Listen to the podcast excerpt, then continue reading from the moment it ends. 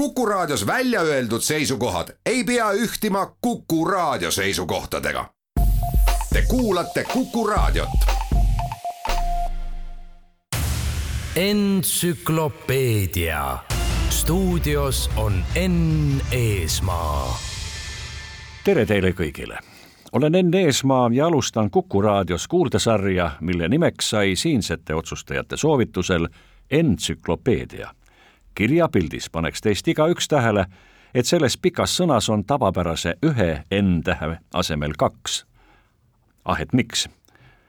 klassikaline entsüklopeedia on trükitud teadmeteos, mille teabemaht on piiratud ning jääb me kiireloomulisel ajastul nii-öelda ajale jalgu. tuletage meelde, millal te viimati võtsite raamaturiiulist mõne teadmeteose, et sealt teadmisi ammutada.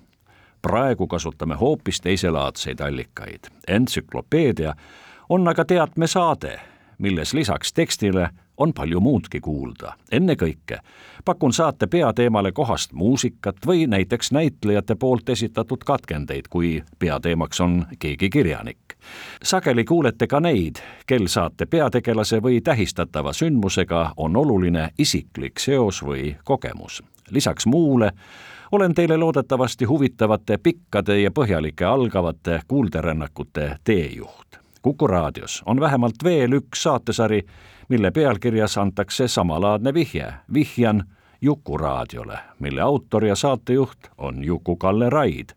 see oleks pisut nagu vabandava seletusosa lõpp, rind täis uhkust, aga teatan, et alanud kuuldesari teeb väikest viisi ajalugu. see on esimene Duo Meedia ning Eesti Rahvusringhäälingu koostöösaade, mis nii mulle kui teilegi, kuulajad, tagab loominguliselt oivalise võimaluse entsüklopeedia saadetes aktiivselt kasutada rikkalikku Rahvusringhäälingu audioarhiivi loodetavasti kauakestva kuuldeseeria esimese saate peakangelane on üks neist vähestest, kelle nimi tähistab ja ülistab juba sajandeid austav sõna suur.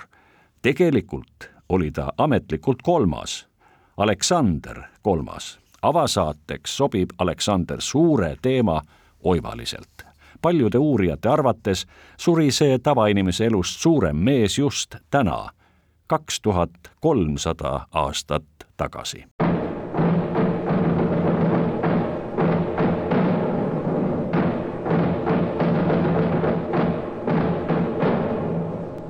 It is men who endure toil and dare dangers that achieve glorious deeds. And it is a lovely thing to live with courage and to die leaving behind an everlasting renown.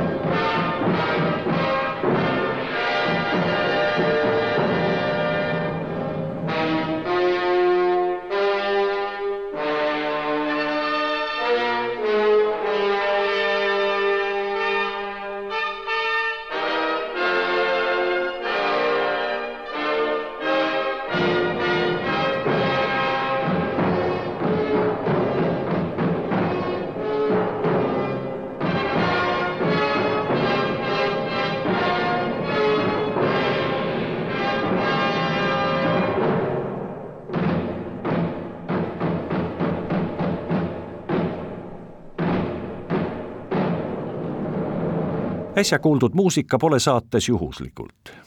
nii kõlas Aleksander Suure teema Mario Nassimbene muusikas rohkem kui poole sajandi eest esilinastunud filmis Aleksander Suur, milles peategelast kehastas sageli suureks näitlejaks kutsutud Richard Burton kuna Aleksander Suure teema on sedavõrd mahukas, otsustasin sellele mehele pühendada koguni kaks saadet.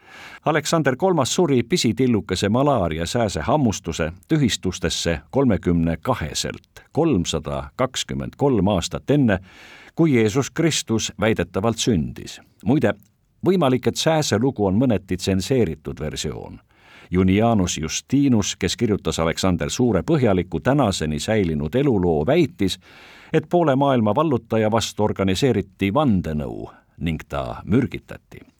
Mitu sajandit Aleksandrist hiljem elanud Justinus kasutas oma teoses Geldi päritolu ajaloolase Pompeius Troguse meieni mitte säilinud tekste, kuid kindlasti ka Aleksander Suure ajal elanud ning maailmakuulsat meest isiklikult tundnud Kreeka ajaloolase Theopompose töid Aleksandri elust, ta võitudest ja koguni romantilistest seiklustest said tulevased põlved rohkem teada ka niinimetatud pseudokallistenese teoste põhjal.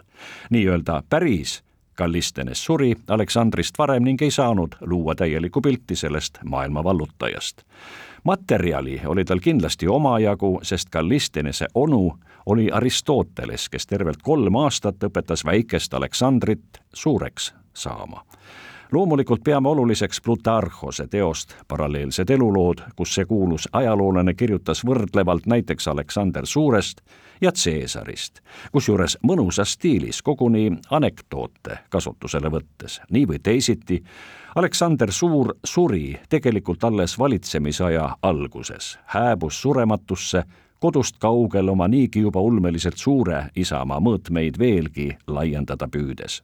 juba ta isa Philippos Teine ütles kord, et Makedoonia, rõhutan, Makedoonia jääks Aleksandrile liig väikeseks. legendi kohaselt ütles isa oma ennustuse pojale siis, kui teismeline Aleksander oli taltsutanud seni taltsutamatuks peetud ratsu, kelle nimi oli Bukefalus. kui Aleksander suri, pärandas ta oma hiigelimpeeriumi sellele, kes oli pretendentidest tugevaim. Aleksandrit ja tema vallutusi mäletatakse võimalik, et ka kauges tulevikus. seega pidi talle antud aegruumis tegemist olema rohkem kui suurmehega ja nii see oli ja küllap inimeste arvates igavesti ongi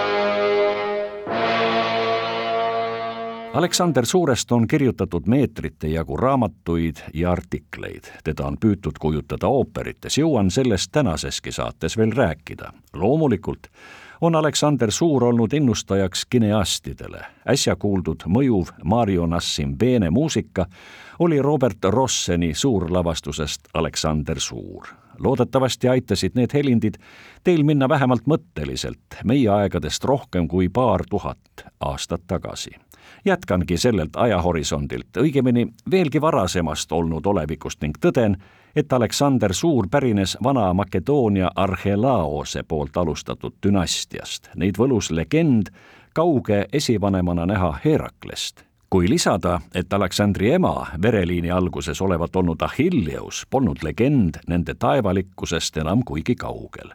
Aleksandri täpne sünnipäev ja koguni aasta pole tänaseni selgunud. enamuse arvates oli see miinusmärgiga kolmsada viiskümmend kuus.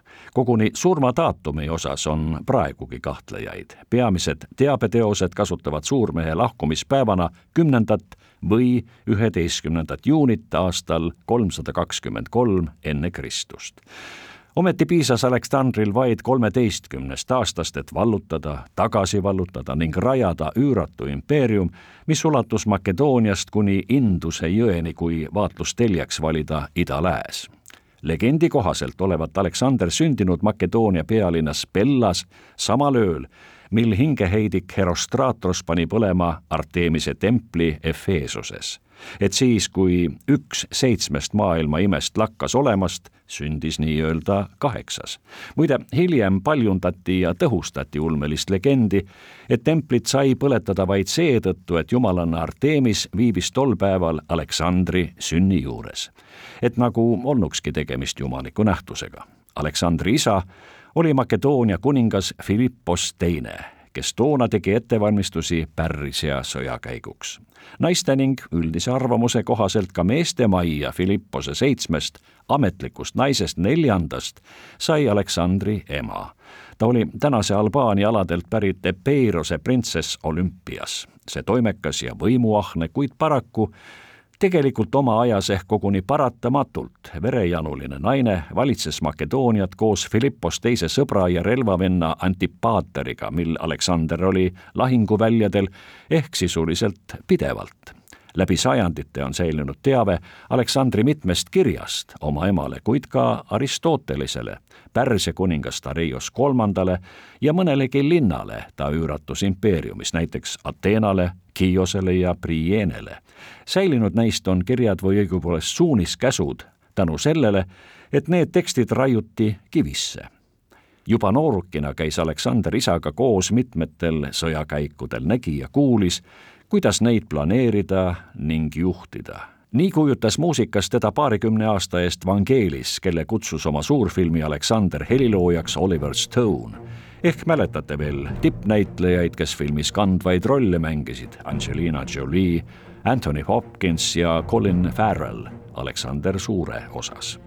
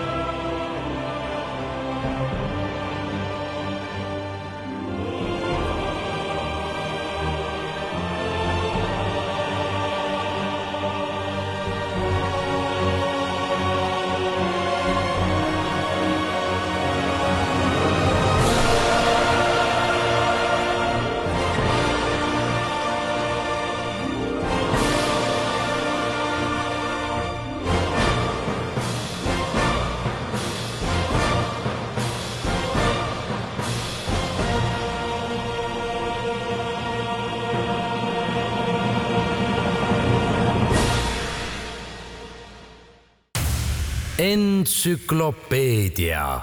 stuudios on Enn Eesmaa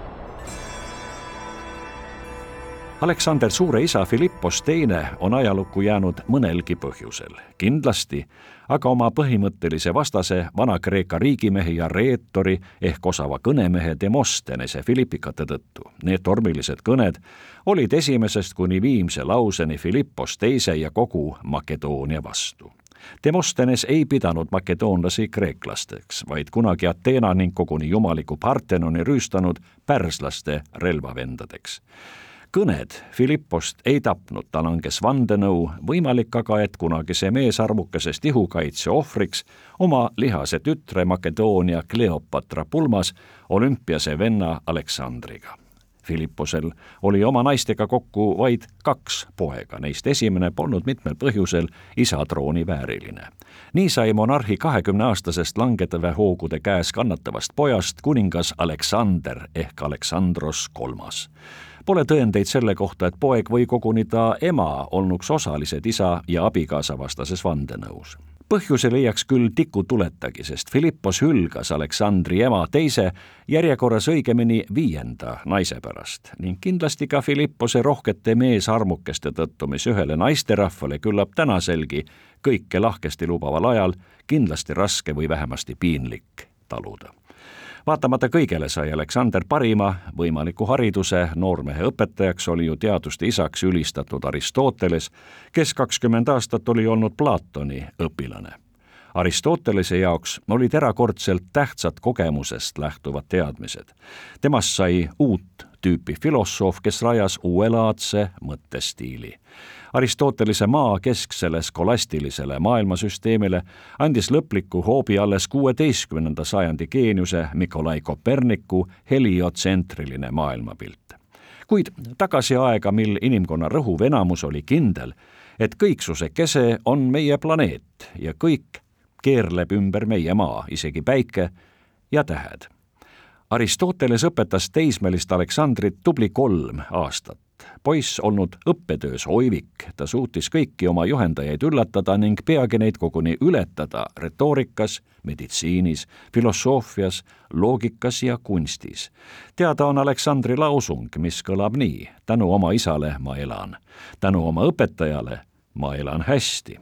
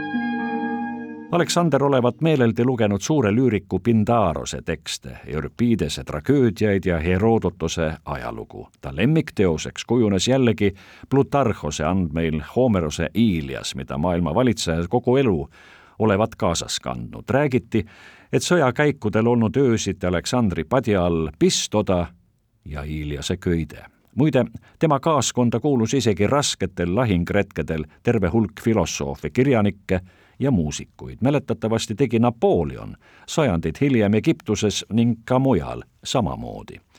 legendide kohaselt olnud Aleksander üsnagi kobe pillimees, Euripidest olevat Aleksander veatult suutnud peast tsiteerida. ühe uskumuse kohaselt oli Aleksander ka innukas sportlane, võtnud koguni osa olümpiamängudest ning sprindijooksus jaganud esikohta enne pidi ta küll tõestama, et oli kreeklane, Aleksander väitnud, et põlvnes argiividest ning juba toona range olümpiakomitee nõustus. argiivid olid tanaoslased ehk muinaskreeklased. teise versiooni kohaselt aga polnud kehalt kaugeltki mitte atleetlik Aleksander spordist ja koguni olümpiamängudest üldse huvitatud. pealegi ei loetud makedoonlasi kreeklasteks, vaid mingiks madalaks tahumatuks inimrassiks. olgu siinkohal sõnaselgelt kinnitatud, et ajaloolased pole tänase päevani suutnud lõplikult kokku leppida, kas Aleksander oli makedoonlaste või kreeklaste suurmees. ta vanemaid võiks pisut liialdades ehk kutsuda helleenideks. teada on, et osa makedoonlasi polnud pärast Philippos teise mõrva liigses vaimustuses nende arvates pigem kreeklasest Aleksandri saamisest Makedoonia valitsejaks. ning ikka ja ometi on tänase Kreeka ambitsioon Aleksandri kaudu oma palju kannatanud kuid kindlasti ka palju saavutanud riiki veelgi suuremaks teha pehmelt öeldes piinlik, eriti kui räägime Euroopa Liidu eetikanormidest ja moraalist. kas poleks juba aeg saatust tänada selle eest, et selles ülikauges olnud olevikus elas ja tegutses mees, keda me tänagi veel mäletame, paljud aga lausa jumaldavad. entsüklopeedia stuudios on Enn Eesmaa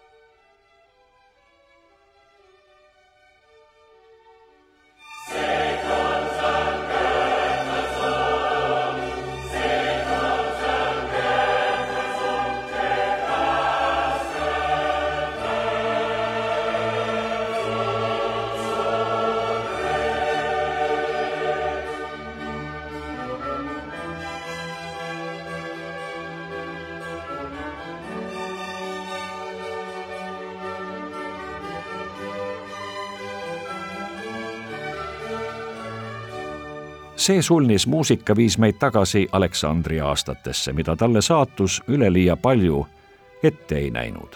kõik on kinnitanud, et pitsi põhja ei sülitanud Aleksander kunagi, küll aga küsivalt ringi vaadanud ja uut pitsi, toona küll pigem karikat nõudnud.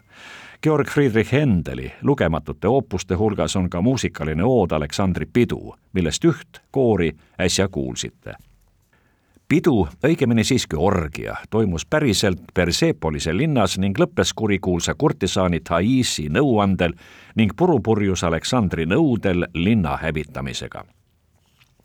Hendel kirjutas ka ooperi Alessandro, milles tolle aja kummaliste, tegelikult aga perverssete kommete kohaselt laulis Aleksander suure rolli kastraat peenemalt väljendudes alto castrato või tänapäevaselt öeldes ja mitte millelegi vihjates kontratenor, sest praegu laulavad sellised mehed kõrgeis tessituurides pelgalt vokaaltehnika abil.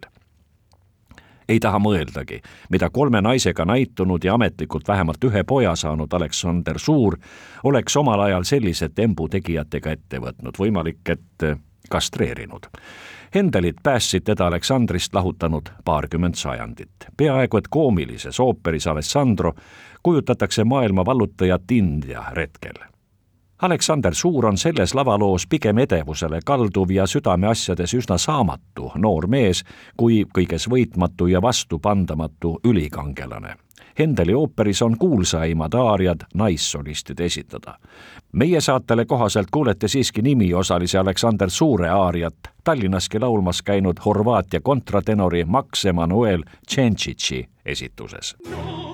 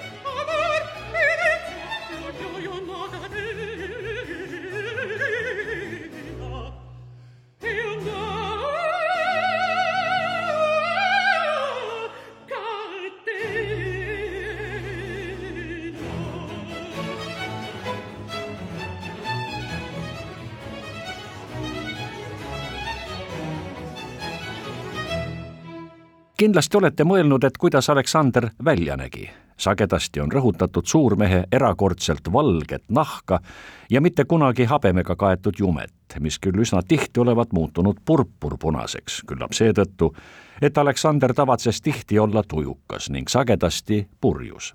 legendide kohaselt olid ta silmad kahte eri värvi ning pikkuseks viis jalga kaks tolli, mis teeb üsna tagasihoidliku pikkuse ühe suure sõjamehe kohta oma kujutistest olevat ta ise kõige rohkem lugu pidanud Lysippose pronksskulptuurist, mille Rooma-aegne marmorist koopia on tänagi Luuvris. see skulptuur olnud paljude meelest ka kõige tõetruum Aleksandri kujutis pisut teistmoodi, ausalt öeldes üsna kõhetu Aleksander võitleb Tareiose vastu Pompeist niinimetatud Fauni majast leitud mosaiigil eks kunstnikel ole sajandeid hiljemgi ühe ja sama inimese kujutamisel olnud erinevaid tõlgendusi. kubistide portreedel ei tunneks aga lihane emagi oma lapsi ära. Aleksandri hääl olevat olnud vali ja üsna karm. Makedoonia kuningana alustas Aleksander jõuliselt ja otsustavalt. ta kindlustas Makedoonia ülemvõimu Kreekas ning hävitas vastuhakulise Teeba, kus teinegi kord levitati toonagi juba mõnikord kasutatud libauudiseid.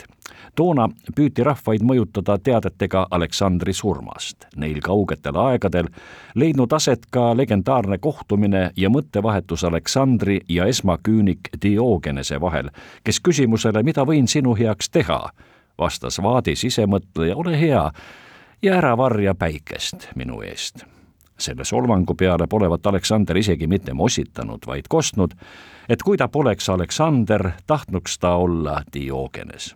ennekõike oli Aleksander vapper sõdur, ta lausa kippus oma mustal härjapeaks kutsutud tuliratsul lahinguisse. Bukefalost, nagu mainisin, ei suutnud legendi kohaselt keegi taltsutada, kuid nutikas Aleksander taipas, et hobu kartis millegipärast oma varju ning see probleem oli isegi kirkal päikesepaistelisel päeval üsna kergesti kõrvaldatav. sageli sai Aleksander oma tuliratsul lahinguis haavata ning jagas koos sõduritega sama karmi saatust, mistõttu teda austati, koguni jumaldati. kuuldavasti päästis poeg ühes lahingus oma kuningast isa elu